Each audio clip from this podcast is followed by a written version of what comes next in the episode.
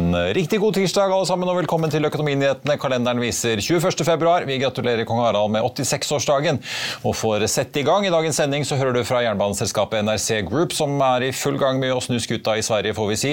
Der man altså går med store tap, og også har tatt nedskrivninger i regnskapet. Vi ser også nærmere på hvor veien kan gå videre for Otovo etter det vi vel kan kalle en katastrofedag i går. Og ikke minst, vi får besøk av både sjefen og den nye aksjesjefen i Folketrygdfondet. Men først la oss titte litt på markedet. Wall Street var jo stengt i går da på President's Day, men i dag skal ting være i gang igjen om en snau times tid. Wall Street Futures peker mot en ganske sur nedgang. Forrige uke så, så vi jo at eh, alle de to, eller de to store indeksene var i minus, da unntatt eh, Nasdaq. Her i Europa i dag så er det stort sett eh, rødt, men det ser noe bedre ut på enkelte av de nordiske indeksene, med unntak da av Stockholm-Oslo Børs, som ikke er med på oppgangen. Hovedindeksen her hjemme er ned nesten en halv prosent etter oppgangen på omtrent det samme da i går. Vi får eh, ingen drahjelp fra oljeprisen her hjemme i dag. Nordsjøoljen ned en drøy halv prosent til 83,20 i spotmarkedet nå. Den amerikanske lettoljen ned en halv prosent da til 77 dollar fatet. Og apropos oljeprisen, PGS ligger på eh, hva får vi si, palleplass på omsetningslistene i dag, rett bak Equinor og Aker BP, som begge er ned rundt 1% Fearnley Securities eh, tror PGS kan refinansiere gjelden sin uten å gjøre en stor utvannende emisjon. Samtidig spår de aksjen opp over 50% i en ny analyse. Aksjen stiger ca. 3% til drøye 10-kroningen. La oss også ta noen av nyhetene som preger dagen i dag. og La oss begynne med sjømat. Sjømatindeksen ned 2,5% i dag og får da lite drahjelp får vi si, av to av de store. Lerøy ned over 6% og har vært ned over 8 på det meste etter kvartalsrapporten. Lerøy sliter med biologien og leverte langt svakere enn ventet da i fjerde kvartal. Det operasjonelle driftsresultatet falt eh, fra da 902 til 800 millioner kroner i fjerde kvartal. og Var ventet på 913, altså ganske mye svakere enn ventet. I rapporten så skriver Lerøy at resultatfallet skyldes både lavere eh, da resultater innen villfangst pga. lavere fangstvolumer, samt lavere da marginen innen eh, får vi si, høy, foredlede produkter, VAP som det kalles, enn i samme periode i fjor. Lerøy guider også ned slaktevolumet i år. Fra da, De har jo tidligere guidet på 202 000 tonn i 2023. Nå sier de 193,5. Lerøy fastholder imidlertid sine mål for 2025, hvor da målet er å passere 50 milliarder i omsetning i Norge. Og så får vi, får vi ta med at DME Markets tok jo faktisk ut Lerøy i går av sin ukesportefølje i frykt for dagens tallskip. Utbyttet ender på 2,50 for Lerøy. Det er det samme som i fjor. Litt bedre enn de 2,40 som var ventet. Verre går det også for Lerøy-eieren Austevoll, får vi ta med. Den aksjen er ned nesten 8% i dag. De er også ute med sin kvartalsrapport. Vil du bli oppdatert på det viktigste som har skjedd innen finans og næringsliv? Da er det bare å følge med, for hver morgen er jeg, Marius Lorentzen og aksjekommentator Karl Johan Malnes på plass i studio for å ta tempen på dagens marked i Børsmorgen. Og hver ettermiddag oppsummerer vi alt du trenger å vite i Økonominyhetene, og det blir selvfølgelig masse interessante gjester. Klikk deg inn på fa.no-tv, eller søk opp Børsmorgen og Økonominyhetene der du hører på podkast.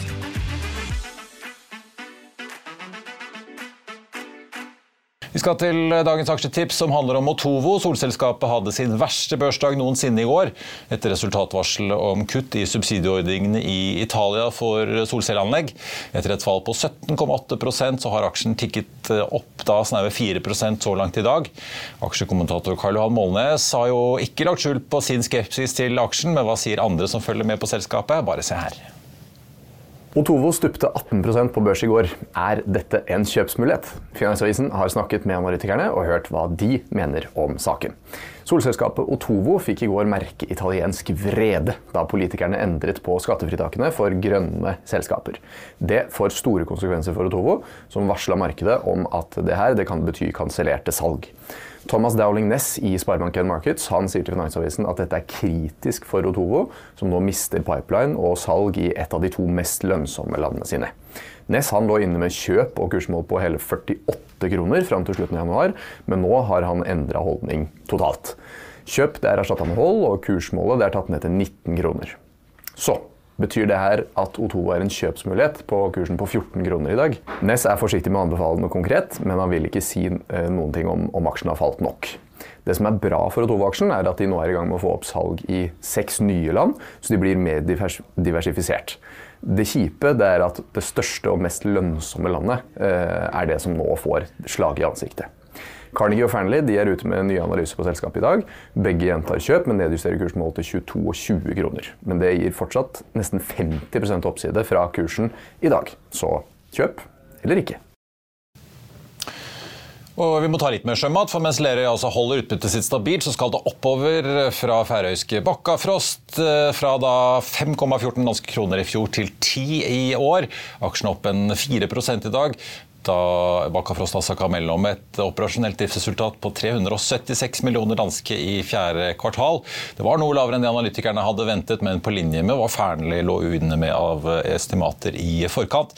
Bakkafrost for øvrig apropos biologi, som mange sliter med, de sliter med det i Skottland. Vi må også innom kartong og emballasje. Elopak ute med sin kvartalsrapport i dag. Firedoblet driftsresultatet, men varsler også at de ser et inflasjonspress jevnt over på innsatsfaktorene sine som vil påvirke marginene marginene fremover i tid. Elopak øker sitt utbytte fra 75 øre-aksjen til 86, og Elopak har hatt en ganske god utvikling, ligger nå opp 3,5 Til slutt så er det riggselskapet Noram Drilling ned en snau halv prosent i dag.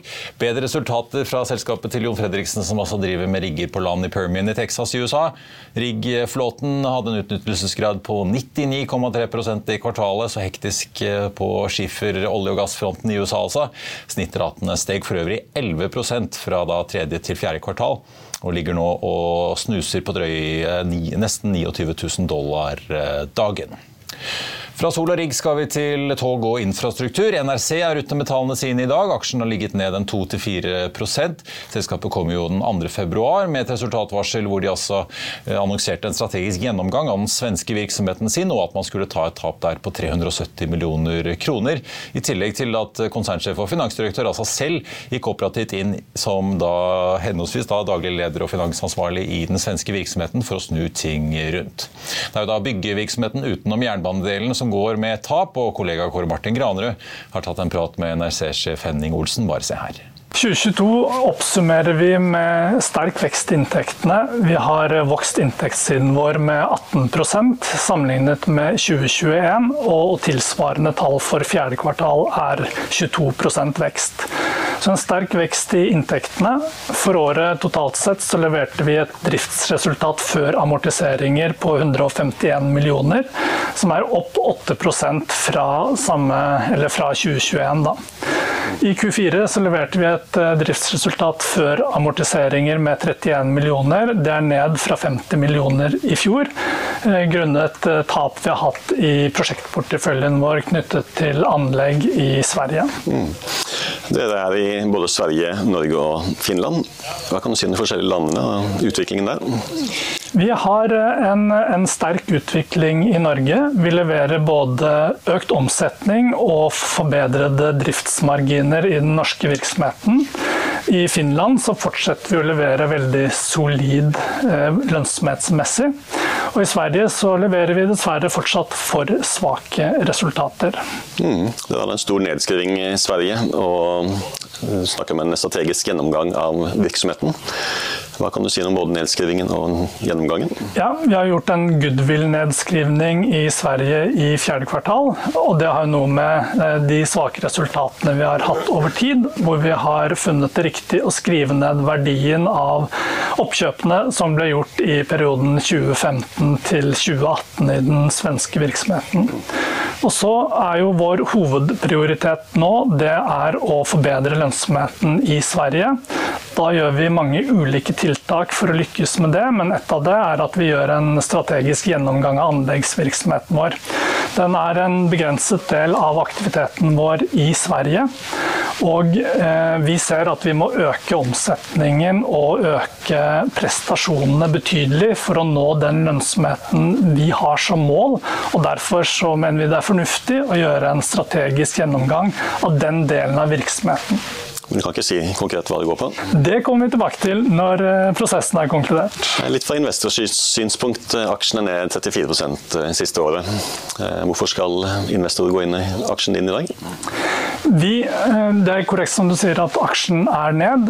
Vi har jo vist over jeg vil si, de siste 24 til 32 månedene at vi har en gradvis forbedret lønnsomhet i virksomheten vår. Det har ikke gått i det tempoet vi har ønsket eller forventet. Men vi forventer jo at denne positive utviklingen vi har sett over de siste to årene, skal fortsette videre fremover. Og lykkes vi med det, så tror vi også aksjonærene vil få et, en god avkastning fra, fra dagens nivå. Da skal vi ta inn dagens gjester. Den ene har vel strengt tatt ansatt den andre, men uansett, de passer i hvert fall på en enorm pengebinge på over 300 milliarder for oss alle sammen, og er samtidig en gigant i det nordiske da, og særlig norske aksjemarkedet. Velkommen, administrerende direktør i Folketrygdfondet, Kjetil Haug.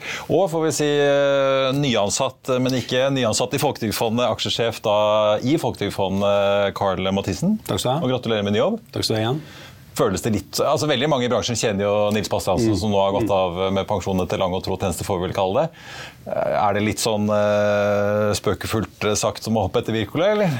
Tja, vet ikke. Hvis du, men skal du hoppe langt, da, så må du kanskje ha en god rygg å hoppe etter. Ja. Eh, det, det har, jeg, har, jeg, der, da. Men føler du, når du... hoppe langt ned i bakken. Ja. Så jeg er jo, er jo ikke aleine. Men føler du litt på ansvaret når du vet hvor mange milliarder dere sitter og forvalter? Ja. og hvor store dere er? Det er jo et ansvar, og du kjenner jo på det. og er jo sånn ydmyk for den rollen og det ansvaret man har. altså. Det er jo stor portefølje. Den er jo på nesten 200 milliarder aksjebiten, og hele ja. fondet er jo 300 milliarder. Vi skal komme tilbake til 60-40-splitten, men uh, først litt om uh, deg. For du har jo jobbet litt i Folketrygdfondet før, men også bakgrunn fra oljefondet? Stemmer. Jeg var ti år i oljefondet. Uh, forvalter da både i New York og London og fikk prøve det. Så litt bakgrunn har man jo fra forvaltning før man gikk i Folketrygdfondet også. Hva er liksom forskjellen og likhetene mellom de to, med unntak selvfølgelig det geografiske mandatet er jo veldig forskjellig for dere mm. to, mm. i SPN og SPU, men eh, er det noe likhetstrekk? Eh, mye er likt, men det som kanskje er mest forskjellig, er jo kanskje at NBIM var en veldig ung organisasjon. da. Eh, når jeg begynte her, så var jo den bare vært seks-syv år gammel, og det merket man jo også på de ansatte, at det var mye yngre folk som kom inn og skulle etablere seg som, som forvaltere. Da. Mens i Folketrygdfondet har man jo lengre historikk og, og en helt annen man skal si, lengre kultur da, som, er, eh, som preger systemet. Kjetil, hva var det dere var på jakt etter da når dere skulle erstatte Bastiansen? Du, Vi startet bredt og så etter den absolutt beste kandidaten som vi kunne tenke oss å ha til å lede aksjeteamet vårt. Og bra for oss at vi fant den kandidaten internt. Eh, Carl representerer en litt ny generasjon hos oss. Det står for eh, kreativitet, står for Eh, framskritt og det å stille spørsmål. Han er en eh, spennende kandidat som jeg tror vi kan få veldig mye glede av. Ja, for I stillingsannonsen så står det jo at denne personen, i tillegg til deg selv, altså dere skal jo tross alt av og til ut i media og snakke på vegne av både skattebetalerne som sitter med disse pengene, men også opplever litt sånn investorfellesskap på Oslo Børs. da, at selskaper I'll see you in court. Vi sier det ofte litt på spøk, men for deg som driver business, er det aldri moro å innse at du ikke har laget en 100% gyldig kontrakt. Du bør ikke risikere hele firmaet ditt fordi du synes dette med kontrakter er litt stress. En avtale er ikke en avtale. Du kan miste kunder, miste venner, ja, til og med miste inntekter om du ikke lager en skikkelig kontrakt, på alt mulig, egentlig. Men vi vet det er et styr. Kopimaskiner, treg printer og haugevis av papir. Dessuten stoler vi jo på folk her i landet. Det er ofte litt kleint å skulle be om en signatur for alt mulig, ja, for mye av styret handler også om jakten på underskriften. Det finnes en enkel måte å løse dette på, Dukkobit, en trygg, effektiv og get this, gratis måte å sikre seg en god natts søvn pluss en juridisk bindende avtale. Dukkobit-appen har de strengeste sikkerhetskrav i bunn, samt en EU-godkjent og sertifisert teknologi. Framover vil det bli behagelig å spørre du, skal vi skrive under på det, eller? Kom i gang på dokobit.no. Og aktører opptrer som de skal? Ja, du har en viktig rolle og en stemme som eh, sjef for aksjeteamet vårt. Du møter, eh, du møter, jo toppen av norsk næringsliv, og du skal eh, ivareta våre interesser på en god måte. Vi er jo som per definisjon alltid minoritetsaksjonær. Så det er veldig naturlig for oss å ha godt samarbeid med andre aksjonærer i de selskapene hvor vi er investert hovedeiere og også andre minoritetseiere. Så det er en veldig viktig del av jobben å holde den kontakten i gang og sørge for at uh, ting blir bra. Uh, god governance det er vi opptatt av i Folketrygdfondet. Vi har jo diskutert uh, alle disse børsnoteringene som var på Ionix Growth, hvor dere var ganske åpne på at dere syntes det gikk litt fort i svingene tidvis. Ja, det gikk fort. Hvordan opplever dere som eh, markedssituasjonen nå? Det har vært store kursutslag det siste året, men det har jo roet seg veldig på transaksjonsfronten? Ja, det, dette går jo litt i sykler. Og så har vi hatt et tøft år bak oss med mye uro, renteoppgang, mye som har skjedd. Så mange har vel kanskje holdt litt igjen på kapitalinnhenting. Men det har skjedd litt, og vi er konstruktive, vi, og, og er med på det som skal være med på. Så vi er med. Skal dere være med på Sikkerhetspetroleum?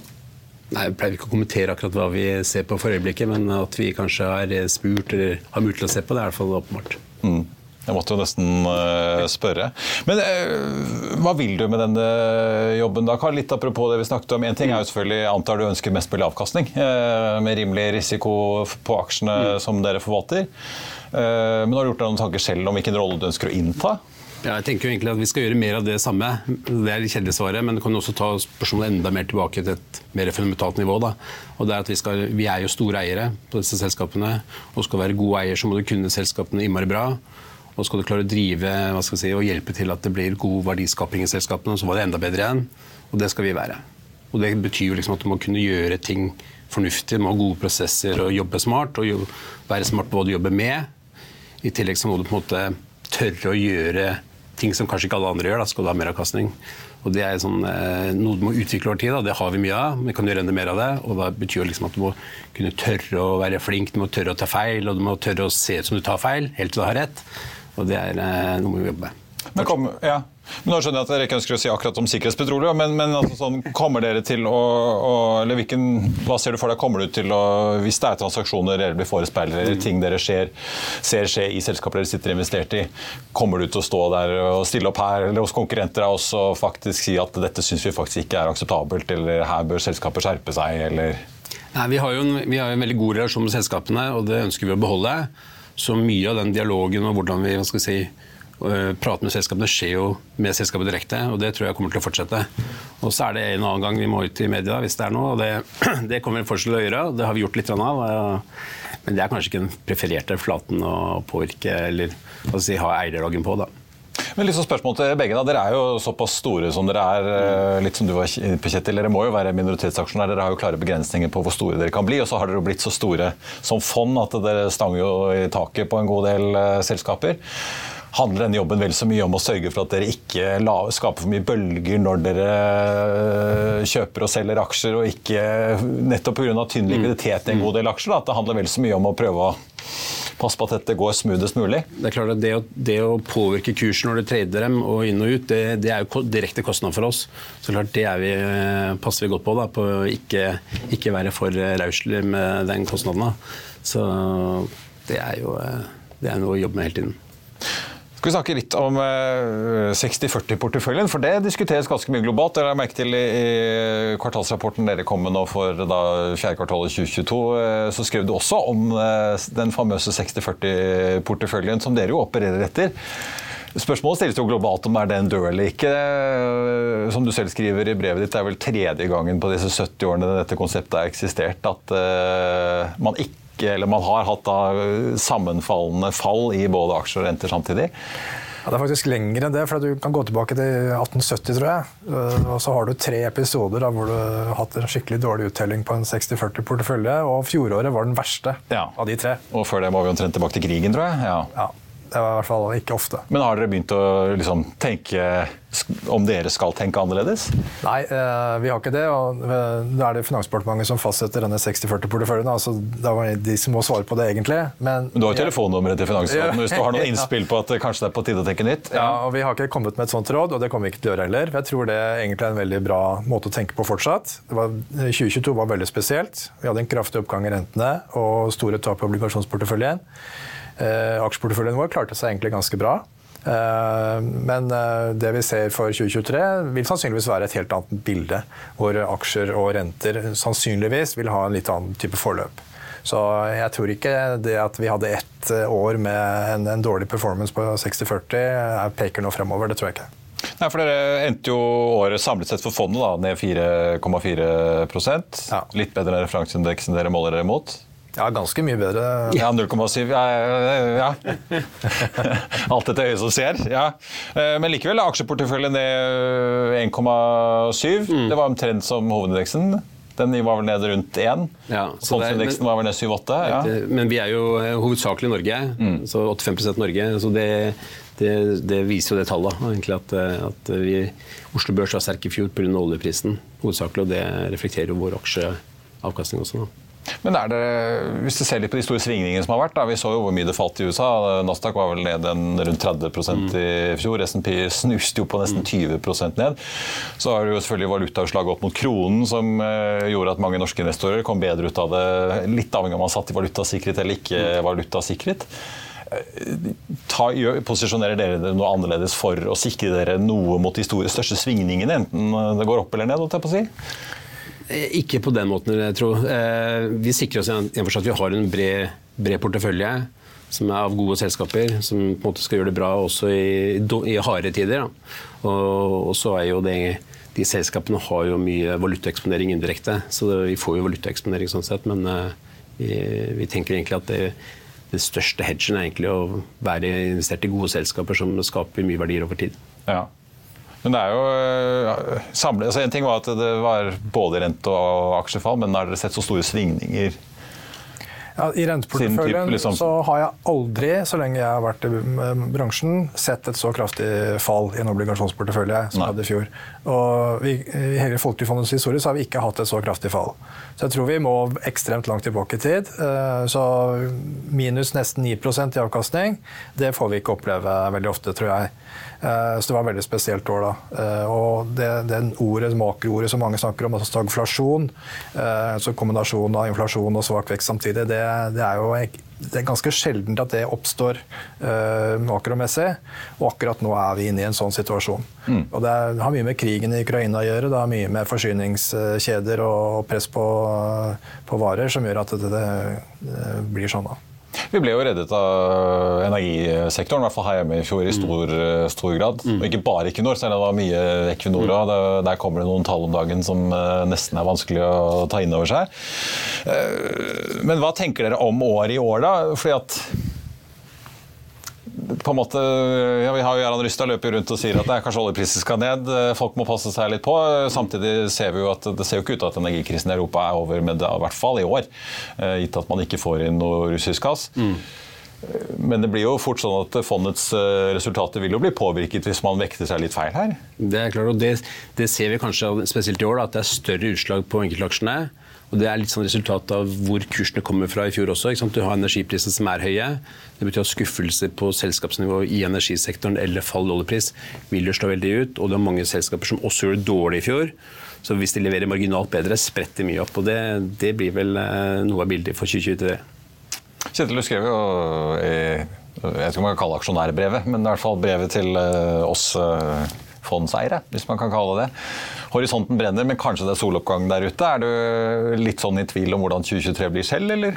Ja, vi er veldig, altså jeg er veldig ydmyk. Det var litt poetisk. Ja, jeg, det er litt poetisk, eh, men jeg er veldig ydmyk, og jeg vet at vi kan ikke vite helt hvordan det blir. Eh, Men eh, altså, nå har vi hatt denne kraftige oppgangen i renter. Og det har påvirket verdsetting og fått volatile markeder. Eh, Så det er klart at mye ligger jo inne nå i, i markedet i forhold til at eh, vi tåler nok en, en viss grad av negative nyheter. Men om vi får eh, ny fart opp på inflasjon, ny renteoppgang og ny euro, så er det klart at det er det ingen som står imot, så vi må være ydmyke for det. Men vi skal være konstruktive, vi skal ha en portefølje som tåler de ulike scenarioene vi går inn i, og vi skal være forberedt på det som måtte komme av makrobegivenheter. Og nå ligger dere på en det var drøye 300 milliarder ved utgangen av året. Ja. Eh, Det er jo en evig diskusjon om hva som skal skje med dere. da. Eh, Kan det bli noen endringer i år? Det er jo selvfølgelig da Finansdepartementet og politikerne som bestemmer dette. Men det har vel vært diskutert om man kanskje skal ta ut bare over, altså overskuddslikviditeten som hele tiden kommer inn i form av utbytter og sånn? Ja, altså, vi skrev et brev i 2019 uh, hvor vi adresserte akkurat det poenget. Og etter 2019 så har vi sett at uh, det har kommet noen flere selskaper på børs uh, med litt betydelig størrelse. Eh, så har vi også solgt aksjer i flere runder etter 2019. Så eierandelene våre har vel holdt seg sånn relativt stabilt, kanskje gått til og med litt ned fra 2019. Men tematikken er den samme. Vi reinvesterer jo alle utbyttene vi får inn, og det er ingen andre ting som går ut av fondet. Så over tid så vil våre eiendeler gradvis vokse. Eh, og Hvis det skulle komme et kraftig korreksjon i markedet, og vi skulle begynne å kjøpe aksjer med, i stort monn, så vil det gå selvfølgelig mye raskere. Mm. Er, Tematikken er der. Så jeg tenker at det, er, det, brevet vi skrev i 2019 er fortsatt like aktuelt, og vi forventer jo at uh, departementet kommer med en løsning på det uh, før eller siden. Og jeg tror at uh, Nå kommer det en fondsmelding til Stortinget nå i slutten av mars, så får vi se hva som står der. Ja. Ja, for På aksjesiden, bare til slutt, da, er det, det er 15% Norden mm. du kan sitte i? Vi kan sitte i mer, men det er på en måte det som er det, hva skal jeg si, referanseindeksen. Ja. Men hvor mye hjelper det deg? Som sagt, vi, jo, vi har et avvik fra referanseindeksen også, som er eh, satt. Mm. Eh, vi er jo ikke på den rammen enda, så det er jo mulig å, innenfor risikomandatet å øke den andelen for eh, Kjetil Haug og eh, nyansatt av aksjesjef i Folketrygdfondet, Karl Mathisen. Tusen takk eh, for at dere kom begge to. Lykke til i ny jobb, og så skal vi følge spent med hvor mye du sier fra når ting rører seg litt på Oslo Børs. Helt på tappet av sendingen tenkte jeg bare å titte litt på kursutviklingen på Oslo Børs akkurat nå. Hovedindeksen ned en halv prosent, da med NRC som har kommet med tall i dag, ned 3 Lerøy ser ut til å bli en av de store taperne med et fall på over 6% og storaksjonær Austevoll ligger også litt bak, ned 6,7% akkurat nå. Så har vi da Bakkafrost som også er ute med tall, og Elopak de gjør det langt bedre. Bakkafrost opp 4,3 og Elopak 3,7 Noram Drilling ser foreløpig ut til å ligge og vake rundt nullpunktet. Så var det jo da Otovo som vi snakket om mye i går etter resultatvarselet, hvor de altså falt nesten 20 I dag er den opp 1,4% Nå har mistet litt av den oppdriften vi så tidligere. I Finansavisen i morgen så kan du lese Trygve Egnars leder om et perverst lønnsoppgjør. Du kan lese om et kraftig hopp i stortankratene, om Arendalsbaserte Gard som forsikrer halvparten av den globale handelsflåten. Ikke så verst. Og det blir børsintervju med Petter Tusvik som har tro på sparebanker, og selvfølgelig mye mye mer om alle kvartalsresultatene som har kommet det siste døgnet. Det var det vi hadde for deg i dag. Husk at vi er tilbake igjen i morgen tidlig med Børsmorgen 08.55, og deretter med Økonominyhetene 14.30. Klokken 16.30 i dag så går etter planen altså da tegningsfristen for emisjonen og børsnoteringen i forbindelse med børsnoteringen til Seacrest Petroleo ut. Mer om resultatene derfra og siste nytte får du som alltid på fa.no. Mitt navn er eh, Marius Thorensen. Takk for at du så eller hørte på, og så håper jeg vi ses igjen i morgen.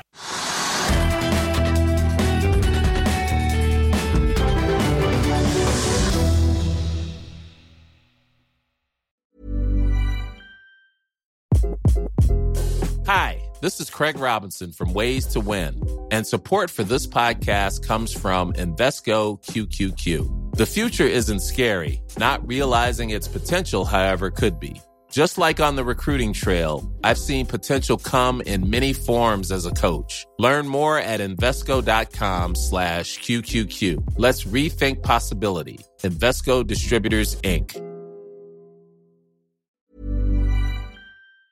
Økonominyhetene er en podkast fra Finansavisen. Programledere er Marius Lorentzen, Stein Ove Haugen og Benedikte Storm Bamvik. Produsenter er Lars Brenden Skram og Bashar Johar.